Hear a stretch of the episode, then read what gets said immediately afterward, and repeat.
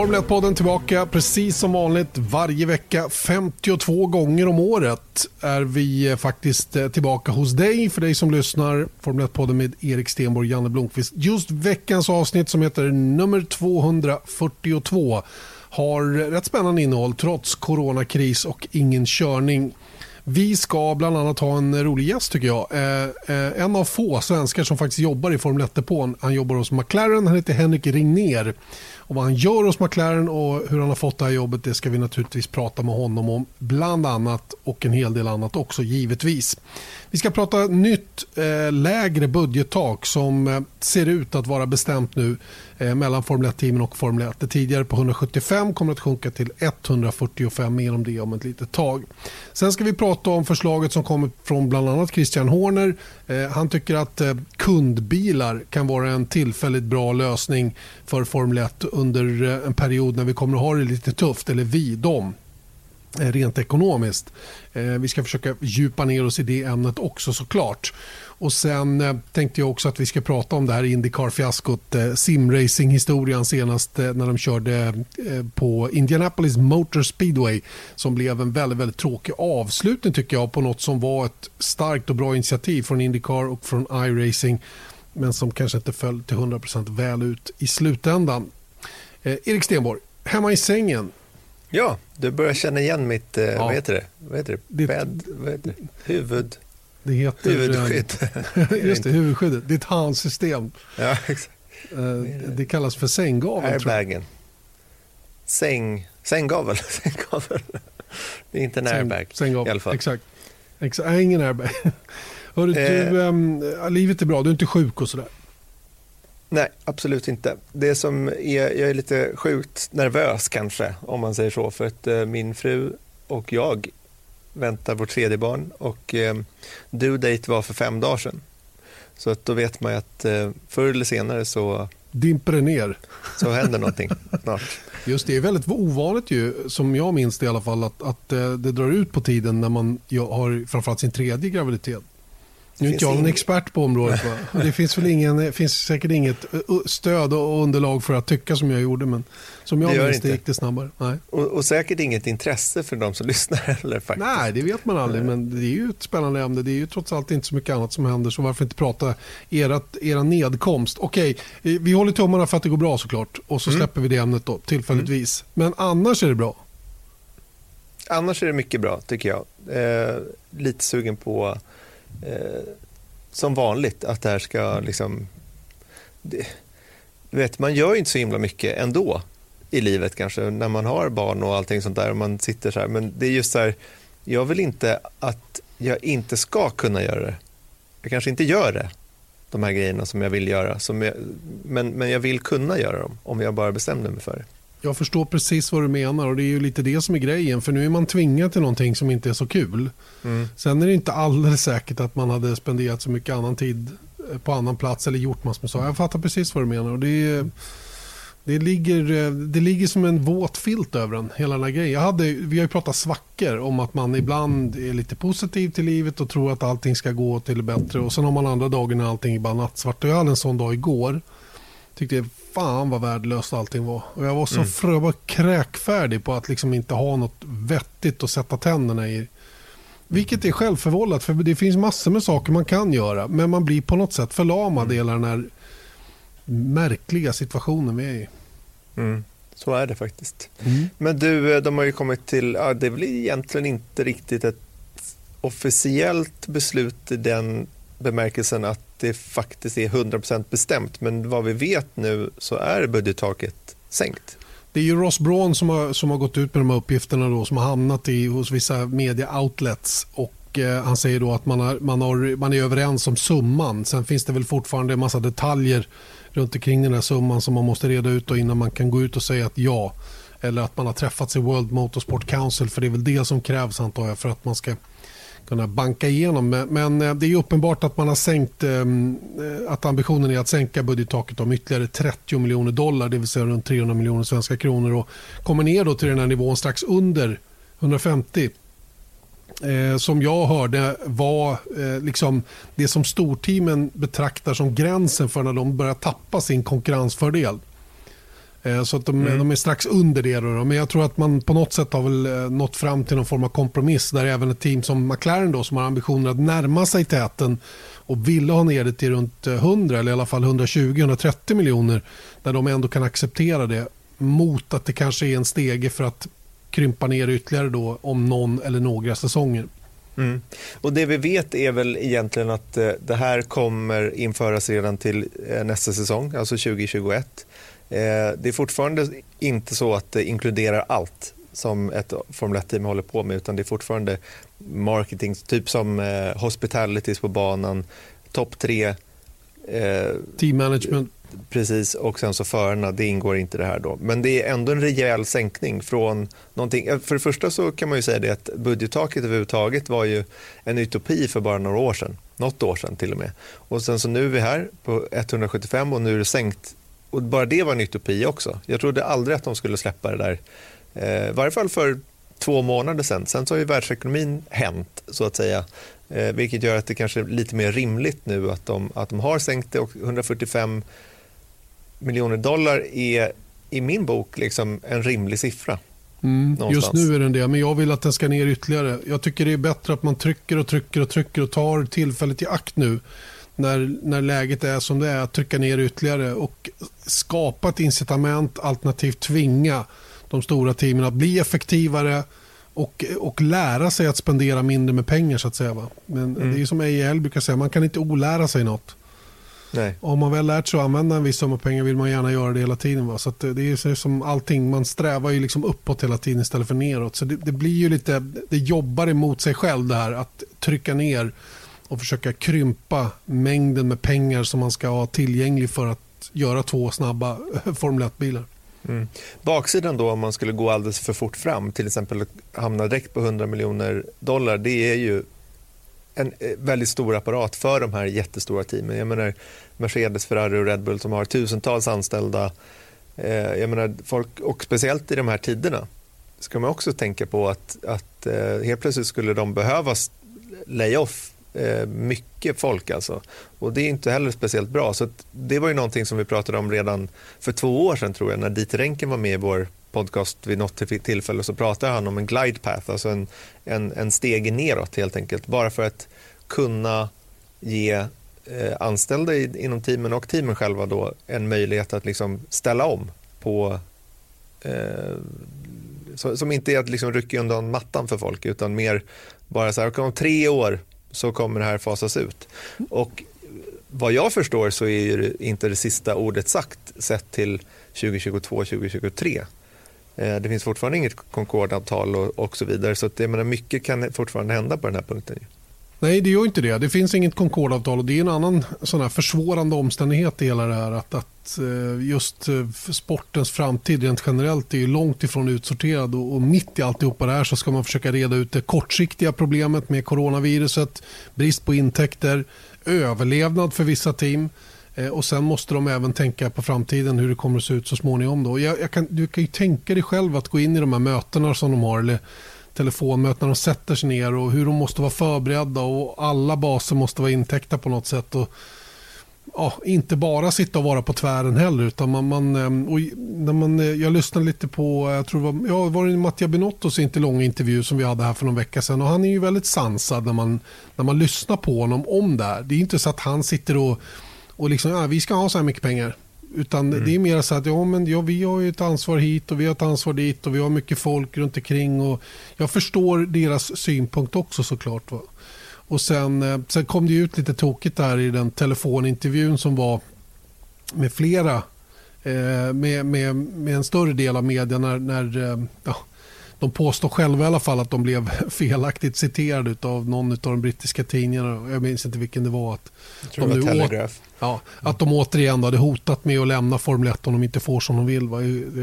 Jag vet inte vad som sades egentligen. Jag har inte satt mig in i det där. Jag brukar oftast inte ens bry mig om när de där grejerna kommer från Ferrari överhuvudtaget. Va? Men jag tycker det, det där har ju lugnat sig sen, sen Montezemolo försvann och, och det har blivit liksom lite mera förnuft i, i, i resonemangen. Mm. Ja, men jag, jag, fick faktiskt på, direkt på WhatsApp från Ferrari-tråden. Vi har ju trådar med alla medierepresentanter där eh, för att snabbt kunna ta kontakt. Och eh, då var det så här, så här står det, så här var rubriken. De ändrade rubriken snabbt och så här är ljudklippet från det. Så det var ju väldigt så här, eh, attackigt från, från Ferrari då att påvisa att de har minsann inte hotat någon i det här läget. Då, liksom. Men eh, hur som helst, jag, jag tror att man kan inte förvänta sig att alla de här miljardteamen ska komma överens allihopa. Utan vi måste liksom, nu handlar det om att hitta en, en gyllene medelväg och så är det bara i Formel 1. Att ingen kommer någonsin vara på samma, samma liksom plattform utan alla har sina olika grejer och de måste positionera sig och skydda sin egen verksamhet såklart. Och det gäller Williams och det gäller Ferrari. Mm. Och, men de måste också komma överens och jag upplever ändå trots allt att de är det har varit väldigt lite såna här äh, knivar i ryggar och, och, och, sånt där på senaste tiden och det är väl det som de här 300 miljoner kronorna faktiskt påvisar. Att mm. eh, det finns en, en, god vilja åt alla håll och kanter. Verkligen. Och, och, ehm, och som sagt en situation som gör att det inte är läge att och pissa revir för mycket. så att säga.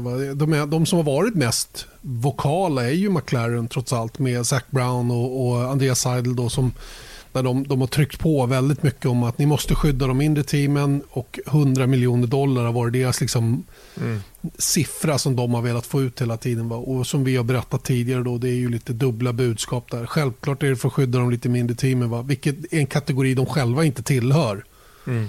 Och sen är det ju framförallt att de vill, de vill ju få en, en, en gratis chans att krypa närmare toppteamen då. Att få lite ett mer, ett mer um, level playing field och att man är mer jämspelta så att säga. Mm. Det var säkert lite prutmån också på de där 100 miljoner. Ja, men det är ju det. Och där, där hade väl Zac Brown också sagt att runt 130 hade han kunnat tänka sig. Nu landar det på 145, fortfarande mycket pengar. 140, eller 145 miljoner svenska kronor är, det är en väldigt stor summa pengar, men den är ganska liten i Formel 1-sammanhangen då. Mm. Så att, eh, jag, jag, den, den, inte, jag ska inte säga att den är försumbar, va? men den är, den är, den är, den är, den är liten. Mm. In the big Faktiskt. picture. Så att, eh, yes. Ehm, ja, låt oss se vad som kommer att hända med det där. Men eh, vi får väl avvakta ett, ett definitivt beslut då ifrån, från World Motorsport Council om att det verkligen blir 145 miljoner dollar. Ehm, det om detta. Ehm, vi fortsätter och eh, tänker oss då att prata det här med kundbilar. Då. För Christian Horner har ju varit lite, mm, lite inne på det. att eh, Christian Horner, då, Red Bulls teamchef, har ju varit inne på att det här skulle kunna vara en kortsiktig lösning också för Formel 1 och att få ner utgiftskontot en hel del och för många som, som kämpar. Eh, och det är i, i det korta, väldigt korta perspektivet och när man, när man liksom tänker på det kortsiktigt så, och lite snabbt sådär så visst, varför inte? Det är väl, tänk att ha bara en Tänk att ha 100 anställda och så, och så köper du en bil. kommer en färdig i en låda bara som du sätter ihop och sen så kör du. Mm. Det finns egentligen inga uppdateringar till den att få under ett år utan det får man jobba med själv eh, i den mån man har resurser till det och, och motor och det sitter ju på. Det är ju inga konstigheter, det är ju lika för alla. Eh, visst, det låter väl alldeles utmärkt bra. Mm. Men, men, och det här är ju någonting som, som kommer upp lite då och då. Vi hade det till och med runt 2007, kundbilar och det var ju inte bra. För eller ja, man vill inte ha det kvar helt enkelt. Och det kommer alltid tillbaka på att Formel 1 inte anses vara det det står för. Det här med att det ska vara ett antal likadana bilar i mm. fältet. Mer än de två som kör inom ett och samma team. Och, mm. och, och, man vill helt enkelt att eh, hela, hela DNA, det där DNA som man tjatar om för Formel 1 har ju handlat om att det är ju tillverkarna som tävlar också mot varandra om att designa så snabb maskin som möjligt. Mm. Och jag återkommer till det när vi träffade Claire Williams för, jag, vet, jag kan inte exakt svara, jag tror det var två år sedan. Och då pratade vi, för då var ju det här kundteams eh, frågan uppe igen. Eh, som sagt, den, den kommer ju titt som tätt. Speciellt då när det visar sig att ett team har lite kärvt. Då kommer det så här, men då kanske det skulle kunna vara ett, ett bra, eh, en bra möjlighet. Och om man tittar på Williams då som till exempel skulle kunna köpa växellådor från Mercedes när de har Mercedes-motorer men de väljer att inte göra det och hjulupphängningar likt eh, Force India gjort tidigare och Haas köper allt de kan egentligen från, från Ferrari. Eh, just för att slippa ha den utvecklingen internt. Däremot var ju Claire Williams då logik i det här då att eh, men vi har ju ambitioner att bli världsmästare igen, att kämpa oss upp. Ska vi göra det så måste vi ha den här kompetensen och utvecklingsförmågan internt. Så tar vi bort den, då är det väldigt mycket svårare för oss att bygga upp den igen när vi väl börjar liksom kliva uppåt på stegen igen. Eh, så det blir liksom en, en ologisk process för ett team som Williams. Nu kan man ju tycka det att nu är de i kris så det är klart att de skulle hellre köra med en, ja men likt Racing Point, en, en eh, Mercedes-kopia. Det skulle ju gå bättre för dem skäligen då. Men det är det korta perspektivet som sagt. Utan ska man vara med i Formel 1 så ska man bygga sina egna bilar och ha den förmågan. Mm. Det hon hela tiden syftade på var ju apropå budgettaket som vi precis pratade om att men låt oss istället slippa spendera så jävla mycket pengar som krävs för att bygga de här växellådorna och hjulupphängningen och allting sånt som man istället då skulle köpa från Mercedes. Ja, nej, men, eh, och det, och det är också, det finns ju, eh, eh, det är en rimlig logik så att säga från Claire Williams, det, det som hon uttrycker där. Och, och, återigen så måste ju alla bestämma sig för vad är det vi vill göra här? Vad är, form, vad är Formel 1? Och mm. vilka, vilken ram ska gälla? Men grejen med Christian Horners förslag är ju att det, en, det finns ju en otrolig poäng med det om vi ser till hur Red Bulls organisation ser ut. Det skulle mm. bli väldigt mycket enklare för en sån som Dietrich Mateschitz att, hålla det här under, hålla igång det så att säga med två team. Om det ena teamet fick köpa den andra teamets bil varje gång. Mm. Mm. De, inte, de bygger helt enkelt eh, två bilar som de använder i, i två team. Eller för, för, fyra bilar som de använder i två team då, men, men det är bara en, en, en process så att säga. Då. Mm. Eh, och det är väl fine. Eh, och, jag, och återigen så kan jag se att det, det är en bra lösning för, för ett antal år, vilket jag uppfattade var Christian Horners egen uppfattning också. Att det här skulle inte vara någonting på lång sikt utan man skulle göra det där ett, ett tag tills mm. sporten har återhämtat sig. Då, och sen men då kommer vi tillbaka till det som, som Claire Williams säger. Då, att vi, ja, men låt säga nu att vi gör det här och köper en bil, en Merca-bil från fjolåret och så har vi sex sådana i startfältet. Mm. Eh, Racing Point gör samma sak. Nu har ju de kopierat den istället då, genom att titta på bilder. Men det är typ samma. Eh, och, och, och, sen så då om säg sex år då. Så nej men nu måste ni börja. Då, är, då börjar ju den processen igen då. Och det är inte mm. så himla lätt att kicka igång. Nej, det, och även om det bara är på två år så är det ändå så att här, men, vad gör man i, i, emellan? De här två åren, okej, då kanske man kan vara med och tävla och sånt där. Men sen så är det också ett problem tycker jag. Alltså jag är ganska, min magkänsla är ganska starkt emot det här att man skulle ha rena kundbilar. Just av den anledningen då. För att dessutom, så säg det att det, det är tre team som bygger bilar. Det är Red Bull, Mercedes och Ferrari. Och sen så är det bara mm liksom, det, det, potentiellt det, skulle det kunna bli så. Ja. Och, ja men, även om de heter olika så är det fortfarande samma, samma mm. skit. Det betyder menar, och, och mm. dessutom då i det minsta fall så är det Red Bull, Mercedes och Red Bull som alltid kommer sitta där uppe för de kommer ha bättre grejer för så funkar det bara i Formel 1. Det är samma sak med motorer. Det står i reglerna att alla ska ha samma specifikation men det har de inte. fabrikstallen kan driva dem på ett annat sätt. Mm i många fall. Då. Mm. Så att inte ens där blir det jämnt. Och då befäster vi den här situationen som vi vill komma undan ifrån. Att det bara är tre team som kan vinna VM och vinna race. Sen mm. kanske med en Mercedes-kopia så kanske Racing Point kan get lucky sometimes. Men de kommer aldrig vinna en VM-titel. Så att, eh, nej, jag tror verkligen inte på det. Och det, det finns ju andra aspekter i då, om man tar DTM till exempel nu när, när eh, Eh, Audi har meddelat att de ska dra sig ur DTM och, och du hade insights där på, liksom, snarare inte, kanske inte direkt vad gällde kundbilarna, men vad, hur det påverkade mästerskapet? Ja, för att när, eh, när vi hade då Mercedes och Audi som tävlade mot varandra eh, efter att Opel hade lämnat och, och hela den grejen så så blev det ju att man drev mästerskapet att ha ett antal nya bilar i de lite bättre teamen och sen så lät man då fjolårsbilarna gå ner till de lite, lite mindre eh, teamen längre ner på griden. Och det var liksom så man jobbade. Och på det viset lyckades man hålla en ganska stor grid av bilar, även om det var bara två bilmärken. Men då så kom BMW in och eh, de, de ändrade lite grann på förutsättningarna. Eh, började ju ladda lite för hårt och alla tvingades då, om man nu skulle ha någonting med det att göra överhuvudtaget så var ju alla tvungna att köra med nya bilar så att säga och det blev ju lite huggsexa om, om de möjligheterna och politik internt i de olika bolagen och så vidare då för att eh, för att få det att funka. Och BMW började ju eh, plocka förare från de andra märkena, någonting som de också hade bestämt sig för att inte göra då ifrån Mercedes eller Audi, utan man var tvungen att hitta sina förare utanför DTM-familjen. Det var väl Spengler som var först med att gå från Mercedes till BMW om jag minns det hela rätt. Men det satte igång en process som nu har slutat med att Audi inte heller kommer att vara kvar. Eh, Merca drar sig ur eh, och, och, det är liksom eh, DTM is over and done with på något mm. sätt. Mm. Gerhard Berger har en omöjlig uppgift nu att hålla liv i det där mästerskapet om man inte kan liksom smyg ingå i med, med det märket som är kvar nu, BMW i, i det japanska. Då. Och så, och så får det vara så på något sätt. Jag, jag har ingen aning om vad som kommer att hända där, men det, det blir inte bra i alla fall. Nej, och tänk dig en, en liknande situation då att eh, eh Mercedes då, okej, okay, de knyter sig an Racing Point, det är deras närmaste team då. Men Williams är också ett, eh, ett kundteam, men de, de blir liksom lite särbehandlade för de har inte lika bra relation med Toto Wolff. Och helt plötsligt så blir det omöjligt för Williams att slå Racing Point ens. Mm. Steg, det, det, det, det har Mercedes bestämt. Liksom. Det, blir tre, det blir tre divisioner istället för två som vi har idag. Ja, exakt. Och, mm. och liksom en, en, en, man sitter i klorna på de här eh, fabriksteamen. Ja, som, ja.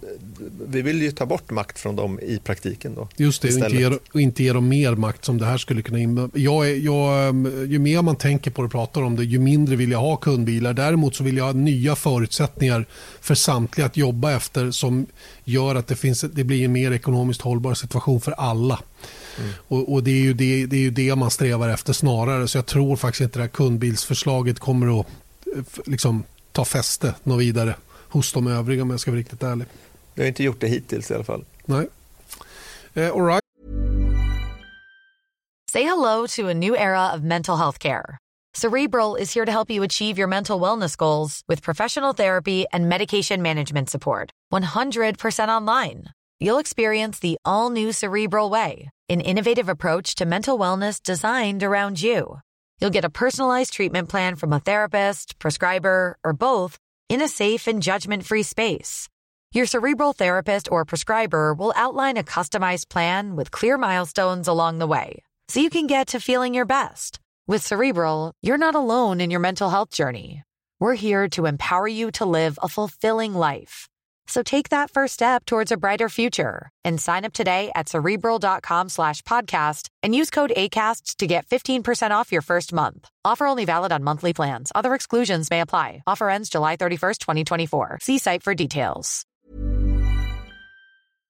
Det är också då avklarat. Eh, två ganska viktiga ämnen ur Formel 1-perspektivet. Innan vi pratar mer Formel 1 med vår gäst idag, Henrik Ringner som alltså jobbar på McLaren eh, som har lite möten att fixa innan han kommer med oss här. Han eh, kommer då alltså om en liten stund, men innan dess hinner vi prata lite Indycar också för det känns ju lite aktuellt. Mm. Med tanke på debaclet i lördags kväll som, som inträffade då. Eh, och eh, jag vet inte riktigt vilken ända man ska börja eh, runt omkring där. Du kanske har någon idé om hur vi ska ta oss an problematiken? Ja, alltså, låt oss slänga oss in i det vi pratade om förra veckan. Just det faktum att eh, den kritiken jag hade så att säga runt att eh, Indycar bjöd in Lando Norris eh, som i, förutom att vara en otroligt duktig Formel 1-förare i praktiken är simracing-proffs.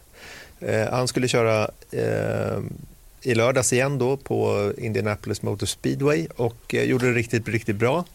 Eh, var i eh, slagläge för segern återigen tillsammans med de andra McLaren-förarna faktiskt. Eh, hade på vägen dit dock gått tre i bredd in i en kurva vilket gjorde att Sim Simon Paginot som var på utsidan i den kurvan eh, hamnade i muren och eh, blev lite tjurig. Mm. Han blev det. Han blev väldigt tjurig till och med. Eh, det var ju hans möjlighet. För det, var nämligen så att det här var för ledningen i racet. Och det var Graham Rahal och det var Simon Pagenaud som var utanför. Eh, Lando hade precis varit i depån, hade fräscha däck, eh, bättre förutsättningar, mer soppa än de andra, kunde med andra ord gå lite fetare de sista varven in. Så att han hade skaffat sig ett väldigt, väldigt bra läge och tyckte att luckan fanns på insidan, vilket den gjorde. Eh, och, och, Jag har läst massor med förklaringar om att det var lite fördröjning i internetlinjer och sånt som gjorde att de reagerade, att Graham Rail reagerade på att Lando kom på insidan även om det var enligt Lando då gott om plats på. Det var gott om plats ja. om man ser på det på, på tv. Men det, jag tror att de uppfattar det lite olika. Va? Men Graham Rahal vinglade till lite grann och tog då med Pagino ut i, i muren där. Och, och fransmannen blev ju inte så glad och började ju då div, dividera. Men skit i vad han. Det han gjorde sen det var ju att gå i depå naturligtvis. Och sen så bestämde han sig då för att, att eh, let's take him out. Let's take Lando out. Och det, det intressanta här tycker jag det är att de sitter och filmar sig själva via Twitch. Han var så jävla nöjd över att ha tusen kameror runt sin stol där. Och så, bevisen finns ju där för hur dumt han resonerade. Mm. Och så åker han ut och konsekvensen blir då att han, han eh, slår av på farten mitt framför näsan på Norris eh, efter att ha varit i depån och kommit ut på banan igen. Så kraschar de och Norris är borta. Mm. Eh, och, och, och Det blir ju naturligtvis ett väldigt rabalder om det. Och Sen så bara fortsatte det här. För Sen blev det ju då de avslutande varven. Vi hade Marcus Eriksson inblandad i alltihopa det här. Han blev också avputtad en kurva från mål. Eh, mer på grund av en, mer, en lite klumpig, eh, vad ska jag kalla det, klumpig prestation från Pat Award som försökte studsa tillbaka när Marcus väl hade gått ner på innen och tagit ledningen där. Men, men, men eh, det, det värsta av allt var ju det som hände precis innan mållinjen då när Oliver Askew var på väg att vinna. Han hade Santino Ferrucci som hade smugit med upp snett bakom sig och Ferrucci precis innan mållinjen så bara petar han till Askew. Undrar jag vet inte om han gjorde det för att han skulle liksom bara dutta till honom och själv vinna. Eller om han halt- bara, bestämde sig för att fucka upp allting, vilket han gjorde. Mm. Ja, jag vet inte Inte vad jag han heller. bestämde sig för. Men han, det var två stycken urbota korkade beslut Ja. att göra, inte bara på i liksom, så att säga en racing-situation utan också att göra det på en livesänd Twitch-feed från sin eget eh, vardagsrum eller var den nu sitter. Eh, så att liksom, det är svårt att förklara bort. Och det visar ju på någonting som vi också var inne på, eller som vi varit inne på flera gånger faktiskt, runt simracingen över, överhuvudtaget, är att det är uppenbarligen svårt, till och med för förarna, inte bara för oss som tittar, att veta hur de ska värdera det. Mm. Jag menar, när de ligger i ledning, då är det väldigt viktigt. Sen så har man blivit avputtad eller blivit, känt sig lite förfördelad, då är det inte alls viktigt längre. Eller om man har hamnat på efterkälken av andra skäl. Ja, Liksom. visst. man kan ha gjort ett eget misstag. Men helt plötsligt så minskar ju suget att, att ta det på allvar. Mm. Vilket aldrig skulle hända då i en riktig situation. För det är fortfarande totalt livsfarligt att inte göra sitt allra, allra bästa när man åker på Indianapolis Motor Speedway. Mm. Och det, och det är ju det här som blir lite knepigt. Eh, naturligtvis. Va? Och, och, ehm, man kan ju kritisera eh, de olika incidenterna så att säga. Va? Men, men det jag inte riktigt fattar det är att man inte hade bestämt sig för eller gjort upp om innan att det här är nivån vi ska hålla och det här var ju trots allt ett sanktionerat mästerskap ifrån Indycar. Det var sponsorer och team inblandade. Med allt detta ingår ett visst ansvar att uppföra sig även om man tappar sugen eller tycker att det är bara ett spel eller vad det nu än är. Va? Och som många också har påpekat, de har lagt ner väldigt mycket timmar på att bli duktiga på det och hela den grejen bara försvann. Det är till och med så att jag har hört att man spelade på de här racen. Gick och spelade om pengar, betta. Och, och jag menar, det blir ju ännu märkligare då om man, om man liksom kan göra såna här grejer. Det, det visste väl kanske inte förarna om, inte vet jag. Men, men, men eh, oavsett vad så, så är det ju, det sänds på tv, det sitter en massa folk och, och ska kolla på det här. Eh, återigen, alltså, eh, för hela upplägget måste man vara överens om för att det ska funka att göra så som Santino Ferrucci och, och, och eh, Simon Pagenaud gjorde. Eh, men de var ju typ ensamma om att tycka att det var liksom lite sådär och alla andra var superseriösa och då, då krockar det ju väldeligen. Mm. Fast de tyck- Både bokstavligen- de tycker, ja, men de tycker också att det är viktigt så länge de... Ja, men Santino var så- tvåa, snälla han var ju tvåa, han var ju Ja, på exakt, vinna han skulle ju vinna. Jag, menar, jag vet inte hur han tänkte, men hur som helst. Alltså, det är ju två grejer kan man ju säga. Apropå Lando Norris, att bjuda in honom. Dessutom då, då visar man sig som en oerhört dålig förlorare. Att nu ska vi sätta den här jäveln på plats. Mm. Och så gör man en sån grej. Det spär ju bara på det som hände veckan innan när Lando Norris vinner eh, på Kota trots att han faktiskt snurrade på, eh, under Mm. racet tidigare. Jag menar, man, blir, man anses ju inte speciellt mycket bättre ur, eh, ur talang, som talangpool än det. Och sen så är det ju också att de sitter ju faktiskt, jag menar, det, nu är det det här som vi har att titta på i Indycar. Det finns ingenting annat just nu, tyvärr, på grund av den rådande situationen. Och de sitter, jag menar, Simon Pagenaud sitter i sin gula Menards overall med sponsorer och det är grafiska sponsorer. Bilarna ser likadana ut. NBC sänder live, som du säger. Han sänder live just för att nå ut i de här mm. tuffa tiderna. Och sen så bara pissar man bort det. Det är fullkomligt obegripligt och oavsett om Indycar hade liksom kommit överens eller förarna kommit överens, jag menar det är ju självklart. Självklart det, det går liksom det inte, ja, det, Nej, men jag, jag håller med dig. Jag, jag, jag har inget annat att säga om det. Sen må det vara, sen må det vara videospel eller, eller på riktigt. Va? Men, men det där är ju liksom inte acceptabelt. Sen, sen kan man ju vara hem. Man, jag, jag, har, lite svårt för den attityd många har haft. Att ja, men vadå? Nu går media igång på video eller på tv-spel. Liksom så här, vad fan tänk efter lite grann vad det var nu istället för att ta det. Och det är just den attityden som är problemet, som blir problemet. Mm. Jag menar, nej, jag vet inte. Jag tyckte det var dåligt sportsmanship, bara kort och gott. Och jag hade, jag menar, sätt dig och spela själv då. Ja, men vi, kan ju ta, vi kan ju gå till oss själva och så sätter man sig och lirar och kör kanske ett race på en timme. Mm. Och, bara på skoj. Man sätter sig, mm. Du och jag sitter med varsin Playstation och lajar. Och så är det ett långt race. Och så håller den ena på att vinna och så precis innan man vinner blir man påkörd bara för att den andra märkte att jag kommer inte vinna det här. Så, så stick och brinn. Det är klart, mm. jag, jag hade blivit helt galen. och då också. Så ja. det, för mig spelar inte det någon roll. Det är konkurrenssituationen. Liksom så. Och, eh, sen kan man ju nedvärdera simracingen. Och det ska man väl också ha klart för sig. Återigen är det ju så att både Formel 1 och Indycar är ju faktiskt inbjudna i en tillvaro eller i ett, en community som har funnits länge.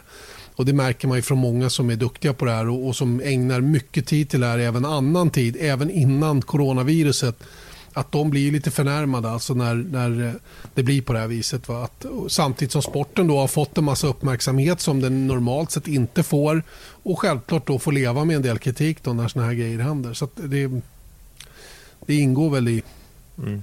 i uppmärksamheten. Ja, men jag tänker också så här, en Nascar-förare har redan fått sparken för någonting han sa under en, under en sån här Twitch-sändning. Jag menar bara det borde vara så här, okej, okay, vänta. Jag ska nog hålla mig i skinnet här lite grann. Men sen så tycker jag det är ganska intressant ändå att jag ändå reflekterat över det under fjolåret att Santino Ferrucci hans liksom renommé växte ganska mycket under 2019-säsongen eh, för att han gjorde bra resultat generellt sett. Då.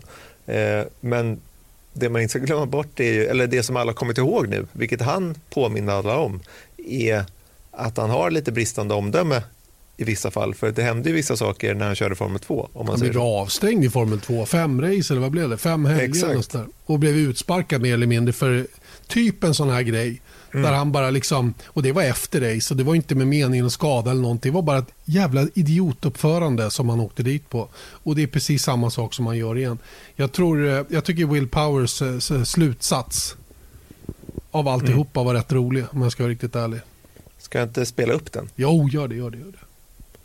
As the iRacing virtual reality season comes to a close and 80% of the field have had divorce papers filed and half their money is going to be gone. I must say it's been quite enjoyable. Uh, that all the drivers have been able to chat to each other, bond, because it's only been nice words said, and um, I'm sure that everyone's going to get on way better in, in the IndyCar paddock and on the track. Han är ju rolig Will Power. Med sin lite avmätta stil, så där, lite laid back, så kommer han fram till att alla har nog blivit tvungna att skilja sig nu och inga pengar finns det kvar. Men han trodde samtidigt att alla skulle vara bästa kompisar i depån på ett ännu mera sätt än det var tidigare. Mm. Vi får väl se. Vi får väl se.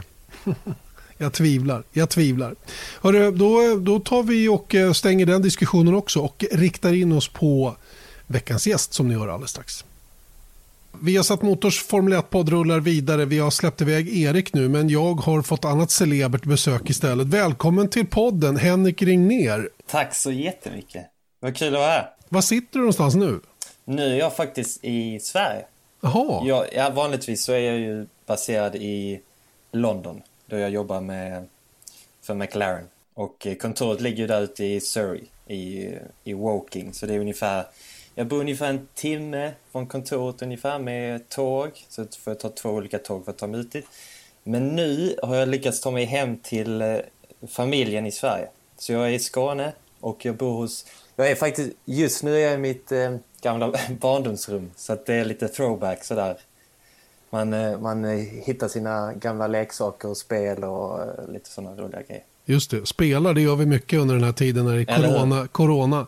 Eh, jag har ju inte kanske den professionellaste eller den dyraste racing-simulatorn men, men en sån måste man ju ha numera, mm. det har jag ju sett. Så ja. att, eh, och, du, och du jobbar ju med en som, som eh, är väldigt frekvent med det. Jag har redan avhandlat Landon Norris lördagsäventyr ja. på Indianapolis Motor Speedway. Ja. Vi, vi, vi, berör inte det just nu, utan um, var i Skåne är du född eller uppvuxen? Jag är uppvuxen i en liten by som heter Bjärred. Mm. Um, det ligger väldigt nära Lund och Malmö. Um, och det är väl där jag har spenderat min större delen av min ungdom. Jag, jag, efter jag gick i skolan i Bjär så gick man i gymnasiet i Lund och sen i, efter gymnasiet så flyttade jag till Lund och där bor nu de flesta av mina kompisar bor fortfarande där och studerar på universitet och sådär. Så jag, Lund och Malmö har ju varit i stort sett där jag har vuxit upp. Um, och sen från Lund så blev det direkt till London efter det. Så det är, en, det är en jätteliten by, så det är väldigt tyst och det är lugnt jämfört med storstaden. Vilket eh, jag faktiskt gillar. Jag gillar när det är tyst och eh, naturen och allt det här. Så det är, det är, en stor kontrast från London och det är, jag älskar varje gång jag kommer hem för då får man träffa alla kompisar och familjen och sådär. Just det. Eh, du var ju inne på det tidigt där och vi har ju sagt det tidigare också att du jobbar på McLarens ja. Formel 1-team. Eh, och då är man ju lite nyfiken på hur en kille mm. från, från Bjärre då utanför Malmö eller Lund kommer till McLaren F1. För mm. jag, jag har ju antytt att du har lite grann av ett drömjobb. För många tror jag det är ett drömjobb. Mm. Eh, berätta bakgrunden till hur du har hamnat där och vad du gör. Ja, alltså, uff, jag vet inte riktigt var jag ska börja. Det är ju en, det är en så lång vi har, vi har gott om tid. Ja, det, vi har ju, ja, det är ju bra eh, alltså, om jag ska... Jag får nog spola tillbaka till, till början på något sätt. Eh, och då kommer vi ju... Ja, det är väl fem år sedan, så det är kanske inte jättelångt för många, men det har varit en stor del av mitt liv i alla fall. Eh, och då kom vi tillbaka till gymnasietiden, tror jag, precis efter jag slutade gymnasiet då jag inte hade, igen, jag hade faktiskt ingen erfarenhet av film eller något kreativt, inget foto. Jag hade inte hållit på med något sånt där. Men jag hade ett väldigt stort intresse för jag kollade på mycket film och jag, jag gillade serier och tv-serier. Och, och, då insåg jag att jag kanske, jag kanske inte vill studera någonting vanligt. För jag, jag var inte så sugen på det och, och då ställer man sig frågan, ja men vad, vad vill man göra då? Och då snubblade jag in på film på något sätt och i början hade jag ingen aning jag, hur man skulle ens ta sig tillväga. Vad, vad ska jag leta någonstans eller vem ska jag fråga? För jag kände ingen i, i industrin så. Så då vände jag mig mot skådespeleri faktiskt. Vilket är ju en, någonting jag inte håller på med nu men det var genom skådespeleri, och när jag säger skådespeleri menar jag att då eh, gick jag och var statist på reklamfilmer och på eh, några kortfilmer som spelades in, jättesmå produktioner. Och, ehm, och det var just där jag sen hittade, men det finns ju faktiskt en stor industri och jättemycket människor bakom kameran. Um, och det är kanske det jag vill hålla på med. Och genom då eh, några olika människor som jag träffade där och jag såg hur de höll på med ljud och det var ljus och du vet jättemycket kamerapersoner och regissörer och producenter och personer som bara sätter upp en, en set eller som tar hand om skådespelare. Och då tänkte jag, ja men det är nog det jag vill kanske göra istället. Och då köpte jag faktiskt en kamera och jag skaffade ett redigeringsprogram. Och genom, genom det så är det nog där resan börjar för att det är då jag inser att Jo, men jag gillar ju att, att, att skapa någonting själv och, och sen att, att, att jag kunde göra det på min egen tid och lite när jag ville. Var, det var väldigt attraktivt för mig och genom då de här första redskapen som jag köpte för, jag, för den tiden då var jag faktiskt eh, tryckförare på Bauhaus så det var genom de pengarna som jag sen använde för att köpa lite redskap. Och det var en jättebillig kamera och en eh, vanligt basic redigeringsprogram. Men det var ju så det började och då lärde jag mig att ju, ju mer jag skapar själv desto, mer, desto bättre blir jag. Det är som vilken annan typ av träning man har själv. Om du vill springa ett maraton så, så måste du lägga in timmarna, du måste springa, du måste träna upp din kropp eller vilket, vilken annan skill man vill lära sig så är det det som är vägen framåt. Och jag hade nog lite tur att jag inte riktigt hade någonstans att vända mig för då fick jag vända mig lite inåt och då använde jag mig av Youtube. Och Youtube blev som en guldgruva för mig att där fanns oändligt med människor som var jätteduktiga och kunde lära mig någonting. Och de kunde också, jag kunde hitta tutorials och, och där, det blev min skola lite. Och ända sedan dess har jag då haft det med mig hela vägen. Och eh, om man då spolar fram bandet lite så gick det ju från att jag gjorde lite filmer på mina resor till att jag eh, faktiskt hörde av mig till min gymnasieskola och gjorde ett projekt med dem. Och det var allt gratis i början. Jag, jag tog varje möjlighet jag hade. Jag tog... Um, jag hörde till och med... Jag, jag, minns, jag minns första gången jag, jag fick tusen kronor för att göra ett projekt för en, för en jätteliten... För ett jättelitet bageri. Och det var ju jättestort för mig. Um, och då tog jag alla de pengarna och hyrde mer redskap så jag kunde skapa någonting ännu bättre. För den konstanta, det konstanta jagandet för att skapa någonting bättre göra någonting större, det var väl det som höll mig aktiv och det var det som fick mig att pusha vidare. Och, ehm, och det har jag med mig än idag. Alltså det är exakt samma hunger, exakt samma vilja att skapa mer. Och, och det, det, när jag ser tillbaka nu så är det ju det momentet där jag inser att detta är verkligen min passion och det är det som får mig att fortsätta och det är väl så jag sen antar att jag kom till McLaren för att jag hade inte tagit mig till London för att där visste jag att det fanns mer möjligheter och hade jag inte tagit mig dit så hade jag inte varit på rätt plats under rätt tid så att jag kunde ansöka till det där jobbet på McLaren. Men du, det är ju ändå det är fascinerande att höra den här historien. Eh, att du på ren vilja och liksom eh, stort intresse då har kommit mm. så pass långt som du har kommit idag. Och, att du så relativt ung då ändå tar steget till London. Hur kom det sig att du valde det då? Alltså, bestämde du en dag, ja. nu drar jag till London. För det gör man inte bara hur som Nej, helst. Nej, det gör man inte. Jag, jag tror det, det, var också en del av, där måste jag ge cred till min pappa tror jag. För han tidigt sa också, eh, han hjälpte mig han hade ingen erfarenhet själv så att han, han hjälpte väl mig förstå att men du, hur ska du egentligen lyckas med det här? Du, du kanske ska kolla runt hur man, vilka olika vägar man kan ta. Då var en av vägarna som han sa, du kanske ska gå på skola. Och, och då började jag titta inom Sverige och då insåg jag att det fanns inte lika stort utbud. Man kan ju åka upp till Stockholm och gå på Dramaten och några av de här men det är väldigt få som kommer in. Och då började jag titta utomlands och eh, den enda stora Hindret där är ju pengarna, för det kostar extremt mycket att gå på filmskola. Och genom det så insåg jag att ja, men då måste jag tjäna ihop, om jag nu vill göra detta och jag vill ta mig utanför Sverige, då måste jag tjäna ihop de pengarna och försöka skaffa en buffert så jag verkligen kan investera i mig, i mig själv och min egen tid till det här. Och det var faktiskt så jag kom ur, från, ur Sverige och det var att jag sökte in till en filmskola i London och jag sökte in i New York och i London och London var närmare så jag valde det. Och jag gick sex månader på en filmskola och lärde mig jättemycket men jag insåg ganska snabbt för att det var inte riktigt för mig. Jag, jag det var för var stort kanske? Eller? Ja, det var, också, det var också väldigt film, filmfokuserat mm. jämte vad jag hade gjort för jag hade inte gått in just filmbakgrund. Jag, jag gjorde mycket reklamfilm eller för företag eller um, hade ganska liten produktion och jag hade lärt mig själv fram upp tills dess. Och där hade man sen lärare som, som var jättekunniga och, då, och jag tror det jag tar med mig mest är de människorna jag träffade, både lärare och elever som, som brann för just det jag brann för och då hittar man en liten community. Men det var inte, det var inte min grej och det, jag har jättemycket gott att säga om, om att gå på filmskola men jag tror inte det passar alla. Um, så det är väl lite vad man känner själv. I mitt läge så var det inte rätt grej. Erik, min kollega, han, har ju, eh, han gick i filmskola i New York. Så ja. där har ni någonting gemensamt. Ja, han, har ju verkligen, han är ju verkligen kvar i, fast han är mera på producentsidan idag. Mm. Men, men du gick klart den här utbildningen då.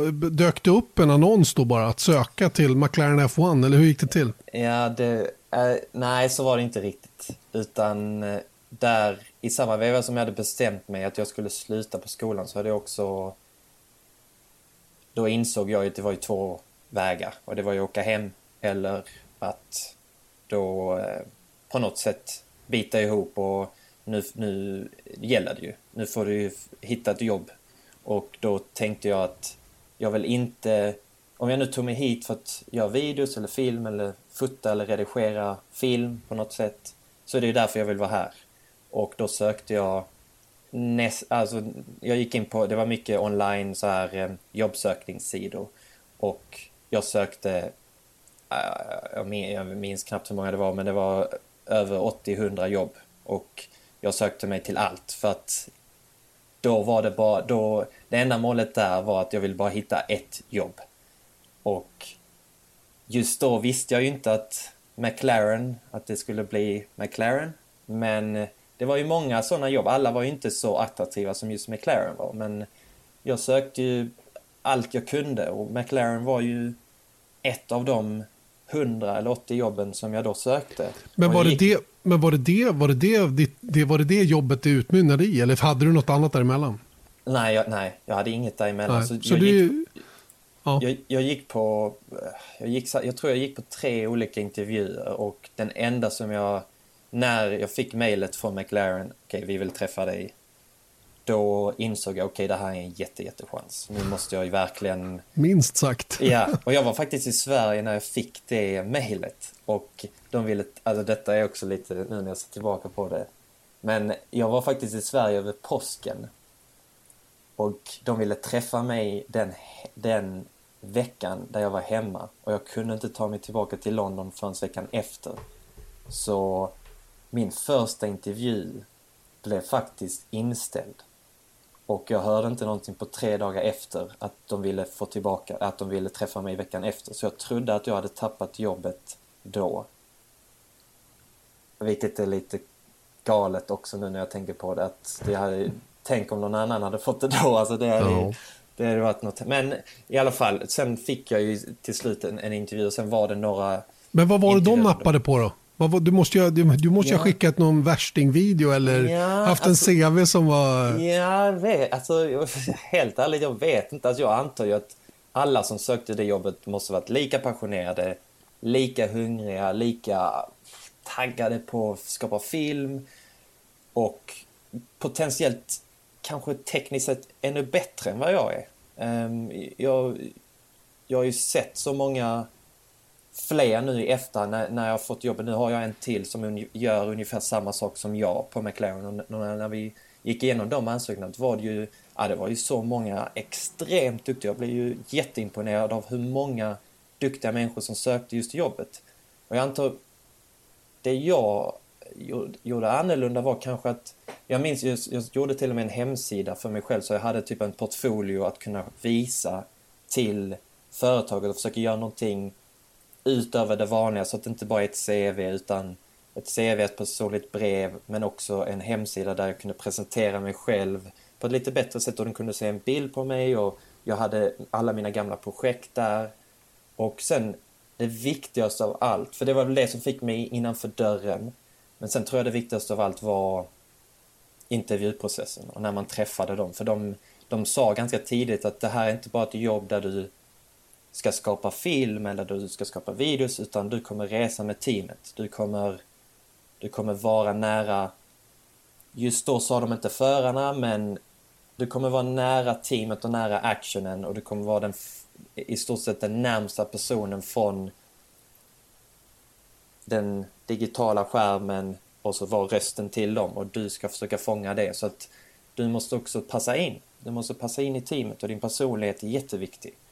Och det var väl, jag antar nu i efterhand, jag har faktiskt inte frågat min chef varför. Jag kanske ska göra det nu efter detta, den här podden. Men jag, eh, jag antar att det måste vara ett, att de, de måste ha sett någonting, det här passar. Och sen kanske att jag var svensk kan varit en fördel. Att jag ja, men, hallå, var annorlunda. Jag, eller, jag sitter ju och pratar med dig nu och jag kan förstå precis vad de har nappat på så att säga. Jag menar, du har ju pratat helt själv egentligen i tio minuter här och väldigt intressant beskrivning utav hela upplägget. När var det här i tid som, som du fick jobbet?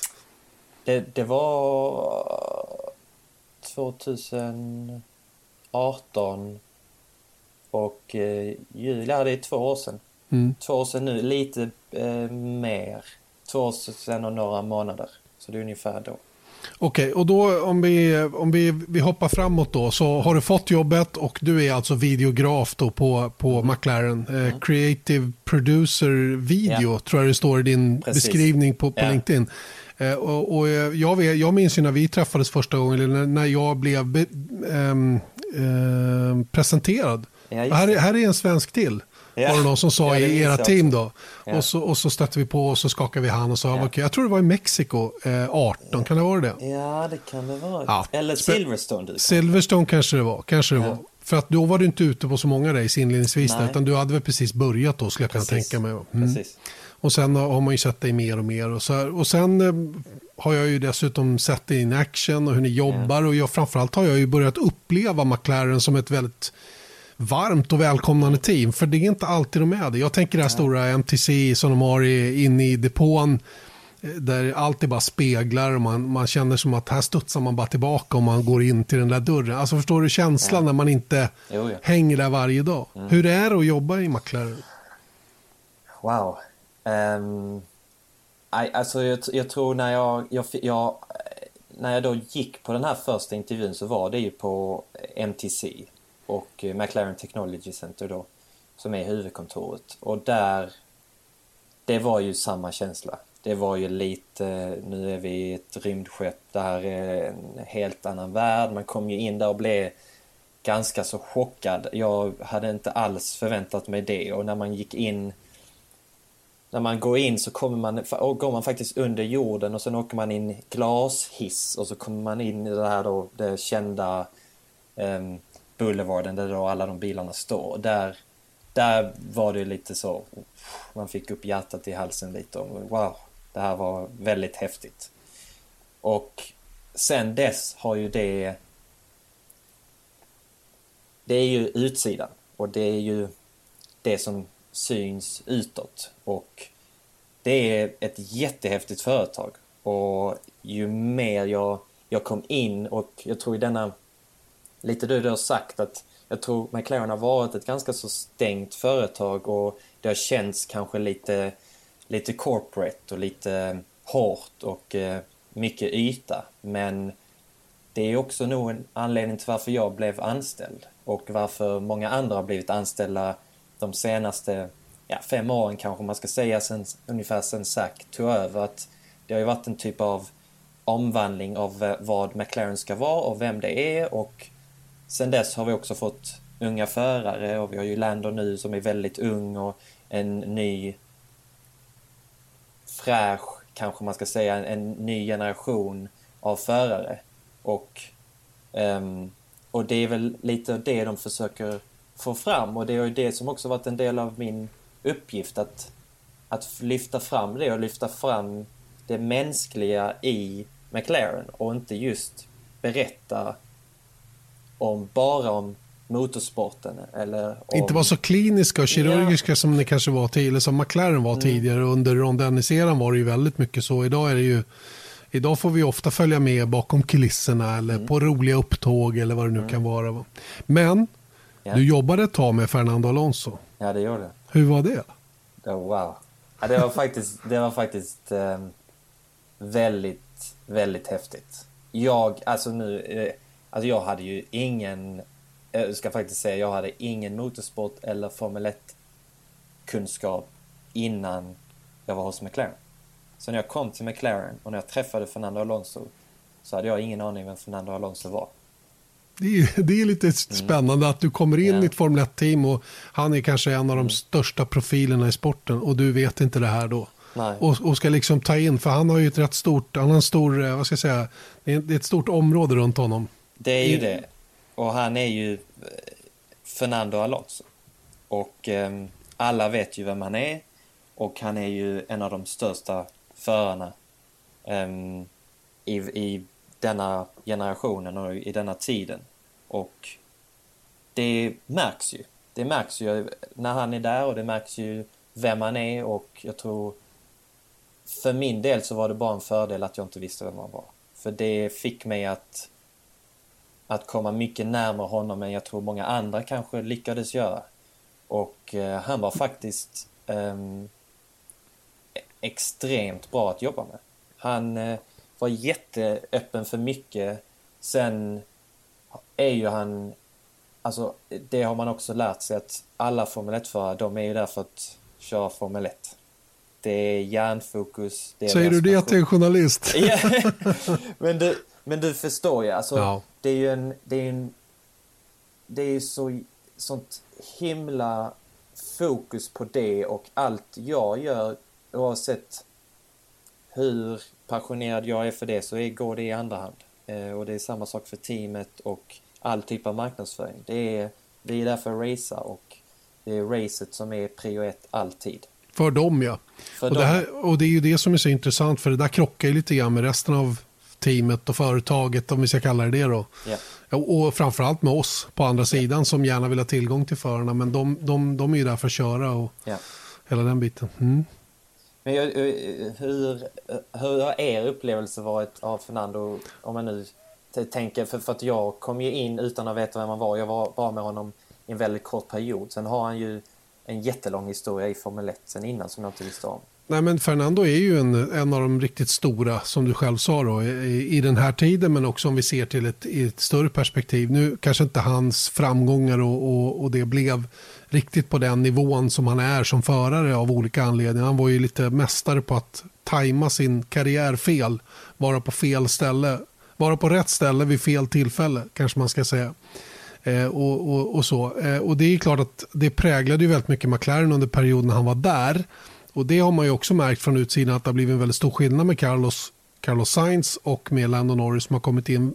Eh, verkar vara som två brorsor, känns det som. Eh, jag vet inte, du, det där kan ju du vittna om mycket mer än vad jag kan. Ja, ja alltså jag, det, jag, tror, jag tycker faktiskt det är en ganska bra spegling av vad det, hur det egentligen är och det som skapas av McLaren och det vi släpper ut och det man ser på um, både på tv och i sociala medier.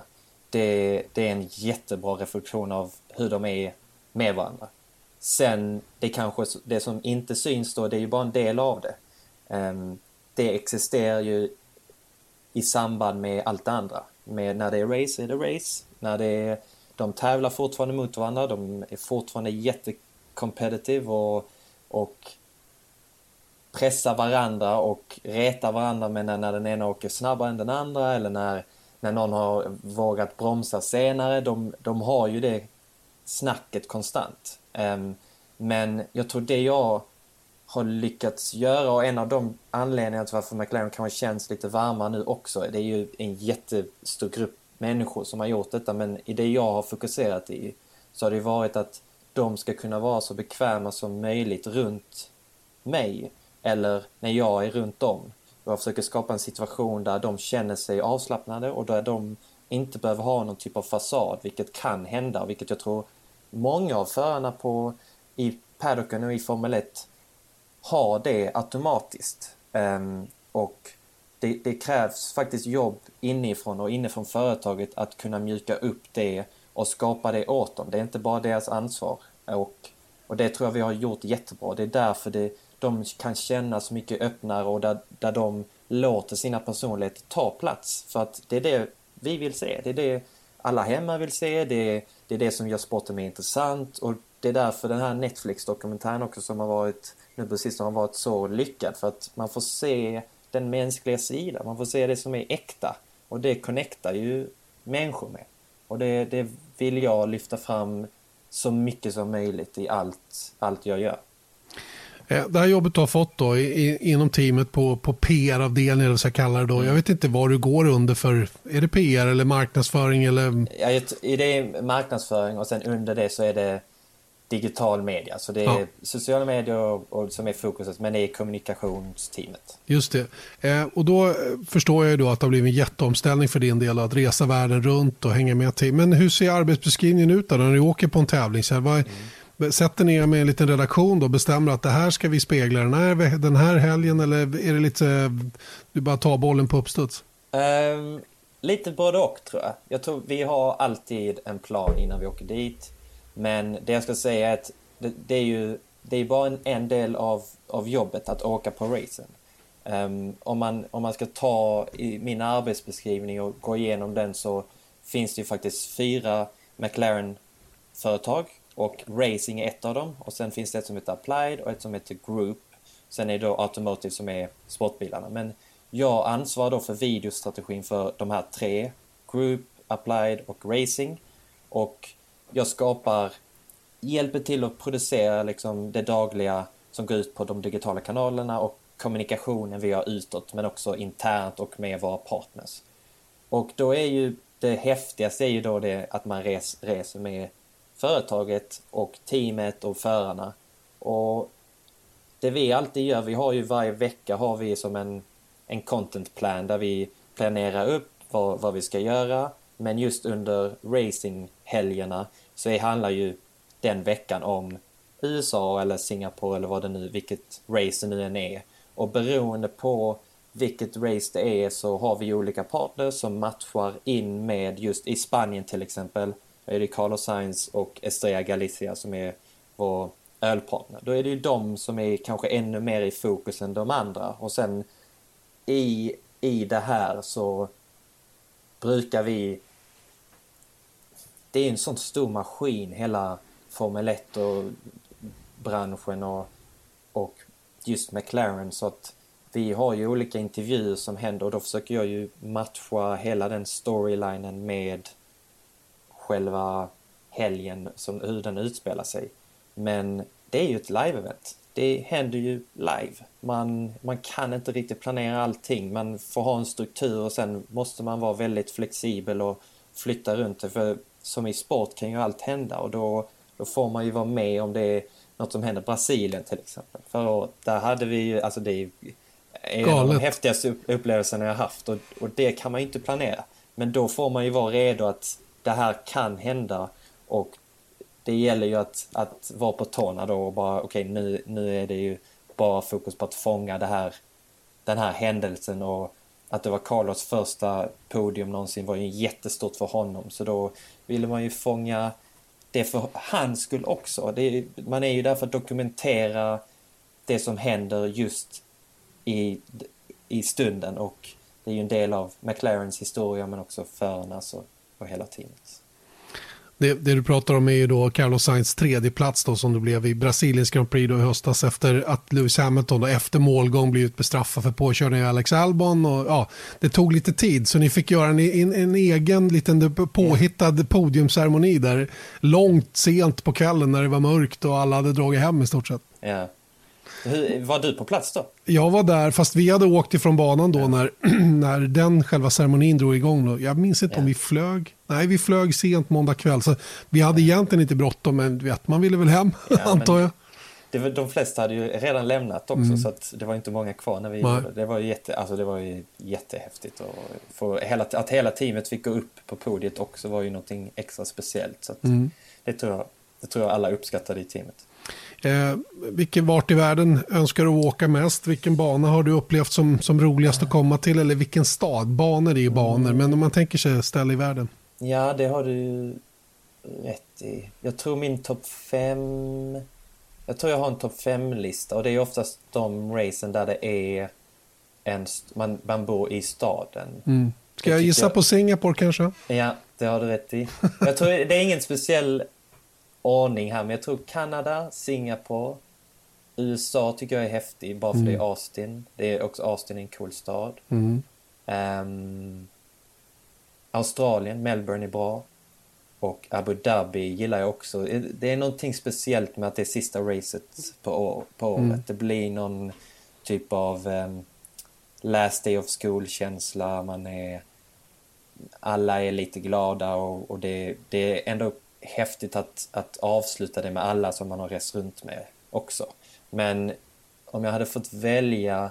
Men du nämner inte Monaco här? Nej, jag gör faktiskt inte. Jag tycker inte Monaco är en av de häftigaste racen att gå på. Historien är ju, gör det ju jättehäftigt och, mm. och det ser ju extremt coolt ut och racet i sig är ju häftigt för det är så tight men Det är bökigt i Monaco. Ja, det jag tycker, jag, Monaco är inte en av mina favoriter, även fast att det är väldigt häftigt. Men jag hade, jag, om jag får välja själv, så själva resemålet, om man bortser från racet, så tycker jag Japan var, är, har varit det häftigaste hittills. Mm. Ja, jag, det är roligt att du räknar upp dem, för jag brukar, folk frågar mig, så jag, framför jag är ju väldigt förtjust i de nordamerikanska race. Jag mm. gillar både Montreal och Austin och hade svårt för Mexiko. Jag tycker den staden är lite intimidating, eller vad ska kalla det. Den är lite skrämmande i, sitt, i sitt, eh, hur den omfamnar en när man är där. Det är ju klart att det är en häftig bana och så vidare. Singapore är ju jätte, jättecool. Eh, och helt enig med det när det gäller Monaco och så vidare. Va? Och sen, ehm, ja, det, det är kul. Det är kul att höra. Um, Okej, okay, um, Zac Brown, ehm, är, är, han den du ansvarar, eller din organisation ansvarar dit emot dem? Men vad, vad vill de med teamet så att säga, tycker du? Eller får du känslan av? Um...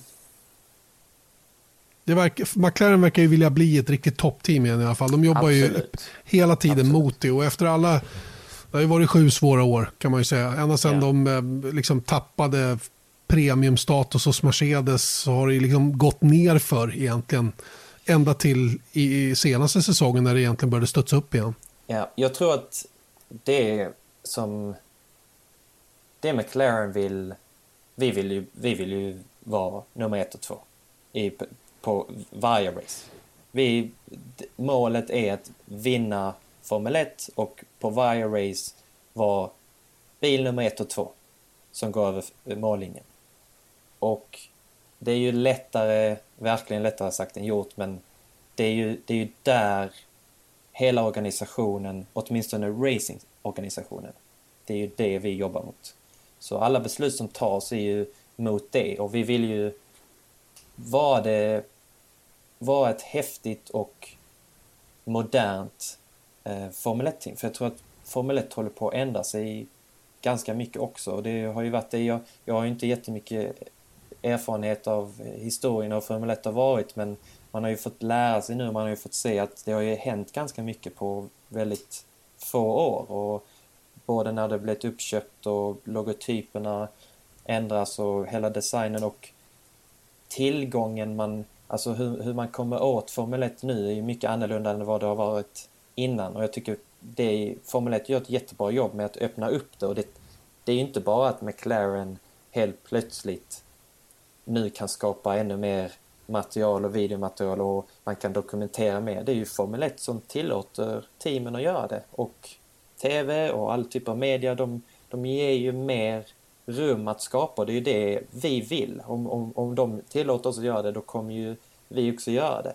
Så jag tycker verkligen Formel 1 är på väg någon annanstans vilket gör det mer intressant och jag hoppas de fortsätter i den takten de, de har nu. Så vi vill det, McLarens mål är ju att vinna. Det är det som är själva det stora målet och på vägen dit vill vi vara ett jättehäftigt brand och, eh, och kännas eh, fräscha och hänga med i den här nya förändringen som händer. Mm.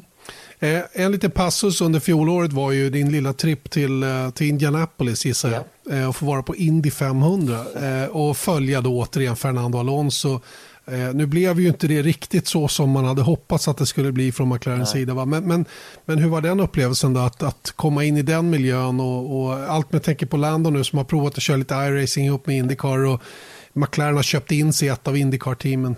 Eh, Märker du av det där? Oh ja, jag tycker, jag ska faktiskt, jag kan faktiskt säga det här också att jag tycker att Indy 500 har varit det häftigaste racing den häftigaste racingupplevelsen jag har haft. Alla säger samma sak. Ja, jag och, och jag får aldrig åka dit. Du, du måste åka dit nästa gång. Eller ja, men det är ju Monaco samtidigt. Det är det som är problemet. I år kanske. I år ja. kanske. Alltså, jag vet inte hur man ska beskriva det riktigt. Jag bara tyckte att det kändes så annorlunda från vad jag hade sett i Formel 1. Jag tror det har väl också med strukturen av hur sporten är och hur teamen är men sen är det spektaklet av... Alltså man står... Alltså när Fernando kvalade då, alltså jag stod 10 centimeter från hans bakdäck när han brände ut på banan. Man är så nära Och det är inte bara vi, teamet är jättenära, men sen är också fansen kan vara jättenära. Så hade jag hade jag fått välja att åka till något race och inte jobba så hade det nog varit Indy 500. För det, det är något häftigt med, med hela upplevelsen och det känns familjärt och det känns väldigt, det känns som en, ett trevligt evenemang. Och det är väl det de gör jättebra. Men sen har jag ingen erfarenhet av hur resten av, av Indycar är men det man ser från Indy 500 så är det ju en helt annan nivå än vad Formel 1 är. Formel 1 är ju ganska så stängt. Det är jätte, jättehög teknologi och då känns Indycar som en, en version där, där det alltid är jätteavskalat och det är rå racing. Lite det back är, to basic. Ja, och det är jätte, mindre team, rå, riktigt hård racing och gillar man det så är ju Indycar super, super häftigt. Mm. Jag skulle kunna säga att jag gillar båda. Fast ja. de, för de har olika, de attraherar på olika sätt. Mm. Och det är det vad, som är, det, vad, är det som gör, vad tycker du gör Indycar speciellt? Ja, det, är väl, det är väl det som alla på. Jag var ju till Austin i, i, i februari på den här eh, Content Day eh, och spelade in lite intervjuer och ställde just den frågan till, eh, till eh, sju, åtta förare och alla svarar samma sak. Det är att adversity, alltså att det är så, det är så jämnt. Startfältet eh, har, alla har någorlunda lika förutsättningar. Inte alla har exakt lika, självklart inte. Budgetar och sånt styr där också, men det är just att de 15 första har alla möjlighet att vinna va? På, på, på prestation, på merit. Och det är väl det som gör Indycars tycker jag så fascinerande.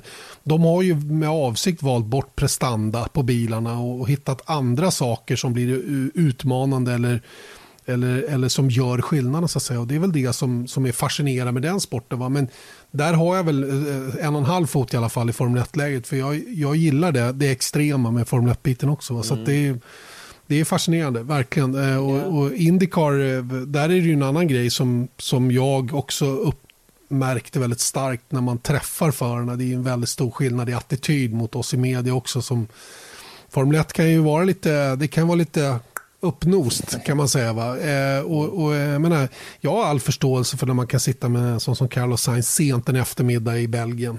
Han har haft tio andra åtaganden, 15 andra åtaganden under dagen och så sista då så kommer jag. Och så vi laddade som 17, äntligen fått en 10 med Carlos Sainz och så har man sina frågor och man linar upp de här och han har svarat på de här frågorna tio gånger. Va? Det är klart som annat de inte svarar alltid lika utmålande och, och liksom målande rent allmänt. Mm. Då, va? Och, det, och det kan vara lite frustrerande från, från min sida. Va? Men du som jobbar bakom gubbarna märker du också av att de ibland inte är så sugna. Oh, eh, ja. Men att de måste. Oh, ja. Och att du vill att de måste. Ja, du, ja det är ni inte ensam om. Alltså, alltså, ja vad ska man säga. Det är, det är ju extrem påfrestning för dem personligen att de ska leverera, de har press från teamet, de har jättemycket. Det, det är så många människor, tusen människor och sen går allt ner till en person. Och nu är det du. Och allt står stilla och det är du på banan. Och det är ju klart att det blir extrem påfrestning på dem.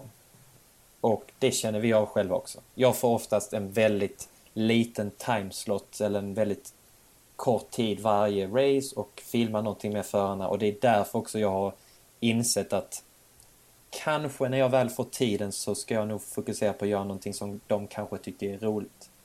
Inte ställa, inte ställa för mycket samma frågor som de kanske har fått höra och hur kan jag göra det annorlunda? Och oftast så brukar jag sätta dem tillsammans för att då om den ena är på lite dåligt humör så kommer de när de interagerar med varandra så lättar de upp varandra och sen är de inne i det. Och de tycker det oftast är kul när vi gör någonting för att vi gör någonting roligt. Vi spelar något spel eller vi försöker hitta på någonting roligt eller göra något prank eller vad det nu än kan vara. Så då lättas det upp. Men jag är ju väldigt... När man första gångerna så inser man ju att oh, de kanske inte riktigt är jättetaggade på det här. Och då behöver man göra så mycket man kan för att de ska kunna snappa ur det tänket. För de går ju och tänker på bilen och prestandan och vad de ska göra. Och kanske bara är less. De kanske ja. bara är less. Ja, och då, man kan ha en dålig dag. Allt mm, mm. Så att, men, men för övrigt tycker jag de, de på, att de är väldigt bra på att släppa det när vi väl gör någonting och när de vet att det är för McLaren. Eh, men det är väl ur, ur att deras förtroende har stärkt för McLaren och för oss, eller mig, när, jag, när vi väl gör någonting. Så att de känner sig bekväma och de känner att jo men nu, nu kör vi. Du, blir du polare med dem? På riktigt polare? Alltså sätter man sig och tar en kaffe bara så här? Eller, jag är ju... Jag har ju åtminstone varit ganska nära Marcus Eriksson när han var där och mm. där var det ju inte, det är inte, det är inte bara att sätta sig de har mycket att göra hela tiden. Det är inte så för er del heller. Nej. Man får inte den relationen riktigt. Nej, det är väldigt svårt. Jag tror att jag har kommit, jag tror jag har kommit dem ganska nära, men jag hade inte sagt att vi är med dem. Vi, vi skapar ju så pass mycket så att vi, jag, jag har ju varit hemma hos båda förarna och vi har spelat in saker och ting och de, de tillåter ju en att, att vara i deras privata um, cirkel lite. Och jag känner ju deras managers och jag känner ju jag har träffat deras familjer runt oss, alltså de vet, alla vet ju vem man är men polare, nej, alltså det, det, det är ju ett jobb. Det är en kollega. Det är som vilket annat. Det är klart man kan ta en kaffe och snacka och, och, och så här men vanligtvis så är det som vilken annan kollega som helst. Så det är ganska viktigt att förstå att det är nummer ett. Du är där för att göra ett jobb och den andra biten får komma naturligt om det händer. Så som på vilket annat jobb som helst. Man kan inte tvinga in det men jag har ju en uppgift att försöka vara, se till att de känner sig bekväma när vi väl gör någonting. Så det får man jobba på. Eh, dina kompisar, hur ofta ringer de och vill ha en caps eller? Jag antar att du har fått många Formel 1-intresserade kompisar som hör av sig Ja, faktiskt. Det är många, speciellt min, speciellt min eh, pappa. har gått från att in, inte kolla alls till att kolla på allt. Och på Viasat förstås. I, oh, du, oh ja. Bra, han, han perfekt signar upp, han lyssnar på podcasten, han kollar på alla intervjuer och han skickar varje gång när eh, tvn är igång där hemma så skickar han bild till mig och nu är det igång. Så ibland, ibland kan han se mig i bakgrunden av era intervjuer och då skickar han bild på det. Så, så det, är, det är lite kul. Jag har, det är en del som har frågat lite så här och så har jag försökt skaffa lite kepsar och få dem signerade och lite såna här grejer. Men eh, ja, det är, det är bara en liten, liten rolig del av det.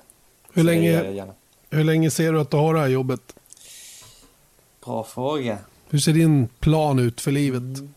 Du har, är, har du ett drömjobb? Det som jag sa från början. Är det ett drömjobb du har? Ja, det måste jag säga till Men ja, nu, jag kan gå in på det lite djupare. Alltså, jag tycker absolut det här är ett drömjobb. Det jag hade aldrig kunnat föreställa mig att jag skulle jobba i sånt här team och ha den här typen av livsstil, att man reser ganska mycket. Men men jag har ju aldrig haft Formel 1 som ett mål. Det har inte varit den inriktningen jag har haft utan inriktningen har varit att jag vill skapa film, jag vill skapa video, jag vill fotografera. Det har alltid varit centralt. Och sen har jag valt möjligheterna och de här olika chanserna jag har fått för att tillfredsställa den här centrala punkten, vilket är skapandet. Och Formel 1 har ju varit, nu blivit en del av det. Och jag är långt, om man, om man ser långt fram så är jag intresserad av att göra det här och binda min passion till andra industrier. Jag är jätteintresserad av musik, jag tycker det är jättehäftigt men att binda passioner och, sätt, och att jag kan hälla min egen passion och svetsa det samman med någon annan som det är Formel 1 eller en annan sport eller film eller musik så är det det jag tänder till på. Det är det jag jagar. Och att det just är Formel 1, det är, jag tror detta är en hållplats för mig framåt. Men jag har ju fått en kärlek för sporten bara av de här två åren jag har varit där och jag tror inte jag kommer lämna den snart. Men jag kan inte säga säkert. Jag kan vara att jag lämnar och kommer tillbaka eller att jag är kvar där i 20 år. Det, mm det vet jag inte, det är framtiden som får. Nej, men jag, jag, jag vet ju av egen erfarenhet att, att, att jobbet från utsidan kan se väldigt glamoröst och, och härligt och, och, fantastiskt ut på alla sätt och vis. Men där, det blir ju en vardag också så att säga. Va? Sen måste man ju vara ödmjuk inför det man pysslar med. För mig är det i alla fall en, en jag har ju ett brinnande intresse också för sporten. Så för mig är det ju liksom otänkbart att göra någonting annat.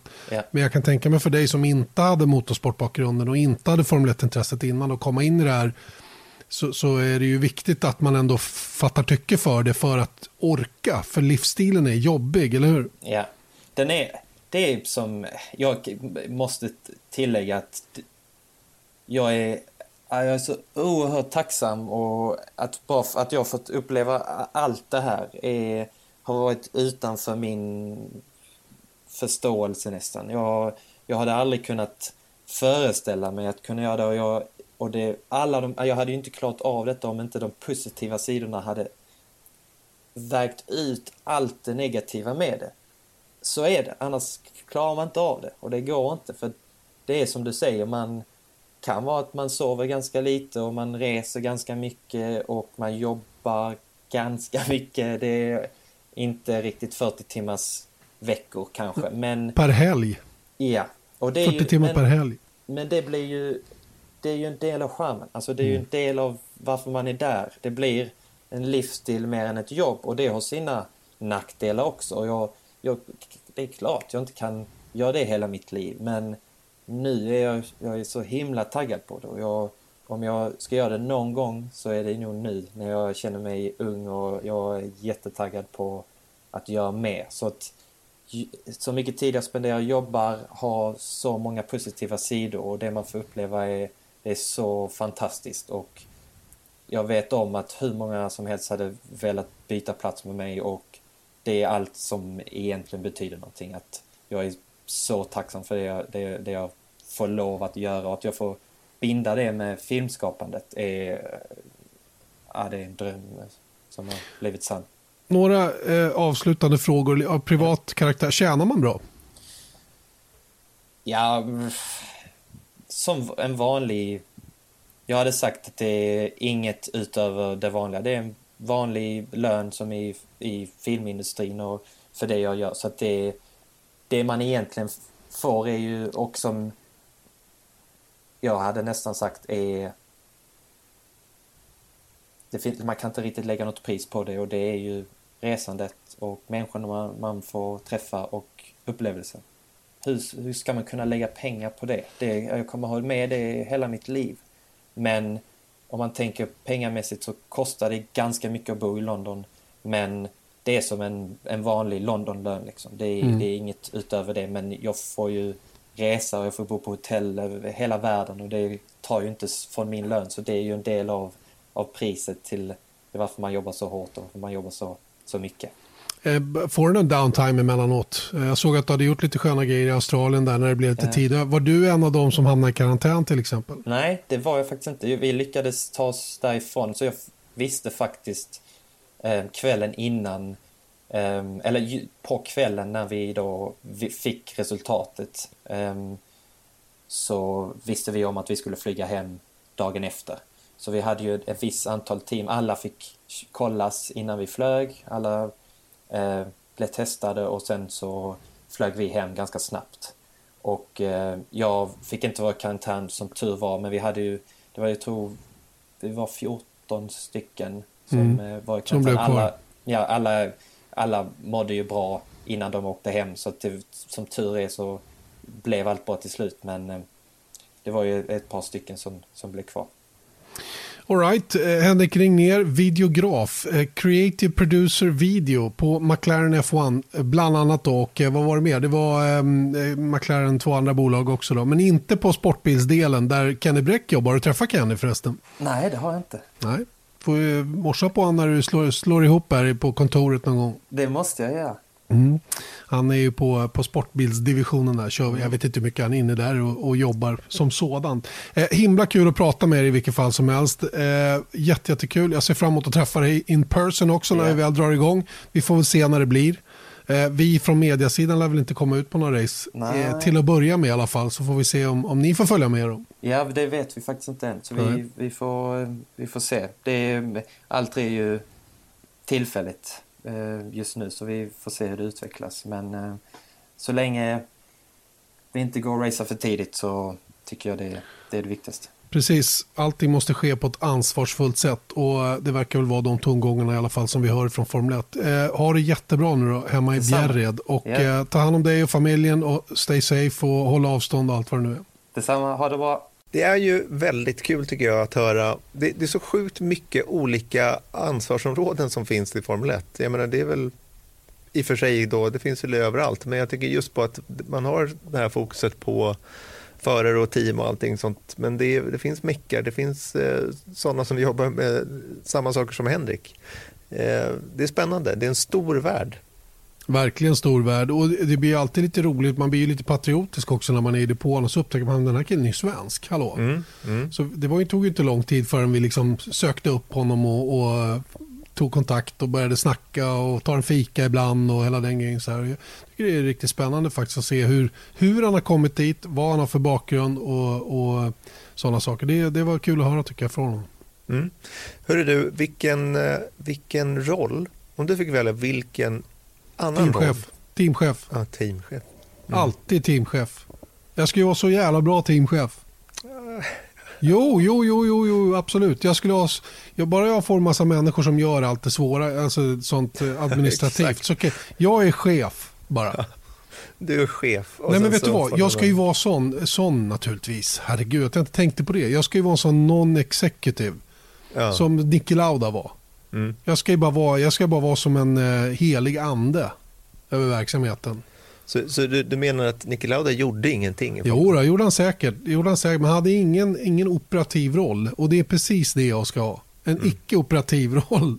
Mm. Men ändå vara mitt i smedet. Göra en och annan sådär lite skön intervju och, och sådana grejer. Det, det skulle passa mig superbra. Det är precis Superbra. som vi har i podden ju. Exakt. Non-executive chairman för, för Viasat Motors F1-podd. Exakt Perfekt så. Exakt så. Ja, men det är faktiskt eh, lysande bra. Lysande Mm. bra. Så att, eh, det, och du då? Jag skulle, jag skulle nog i slutändan, jag Truckee. mycket på det här. Nej, det, har- det har varierat lite fram och tillbaka. Du, jag ser inte ner på truckies alltså. Vem har gjort det? Nej, jag vet inte, jag bara tog det som det. Men jag skulle nog i slutändan vilja vara en etablerad förare. Inte i Janne Blomqvists team dock. Tror jag. Jo, jo, jo. jo. Nej, men jag tror inte det. Så det Jag skulle inte vilja ha kontrakt. som... jag, jag, tror att, eh, jag tror att jag väljer ett annat team. Ursäkta. Ja. Gör det, gör det. Jag ser Men fram du- emot att tävla mot dig. Exakt. Men du, i, i, eh, på söndag, Just det, på söndag. kör vi söndag? via Playsport F1 på live. Fortsatt 15.30 i Viasat Motor och via Play. Det är de här um, eh, sändningarna vi gör i väntan på bättre tider och det är ganska bra tider tycker jag att sitta och titta på de här programmen för de är bra, Mm. de är roliga att Mm. jobba med. Eh, vi kör Spaniens GP eh, 2016 och vi kommer även ta ett litet grepp runt hur man tar sig in i Formel 1 och i Indycar som förare. Det skiljer sig ganska mycket. Och eh, som gäster har vi Linus Lundqvist som eh, i år skulle, ska, skulle slash ska köra Formula Regional Americas tror jag att det heter. Det Eh, är F3 i USA helt enkelt. Exakt, där man om man vinner det mästerskapet får ett stipendium till Indy Lights. På samma på andra hållet så att säga så har vi en riktig seger som heter Road to Indy där eh, svenska Rasmus Lind är eh, på väl god väg att eh, ta sig in i Indycar för att i år så ska, ska slash skulle han köra Indy Lights för Belardi Autosport. Just Så båda de kommer gästa och vi kommer eh, även snacka lite om Nascar som drar igång om bara mindre än två veckor. Just det. Fränt. Nascar, lite brum-brum. Exakt så. Det är fasen på tiden, verkligen. Okej, eh, vi syns på söndag då. Vi syns på söndag, hörs gör vi om en vecka igen i Formel 1-podden. Tack så länge. Ha det gott. Tack, tack. Hej, hej.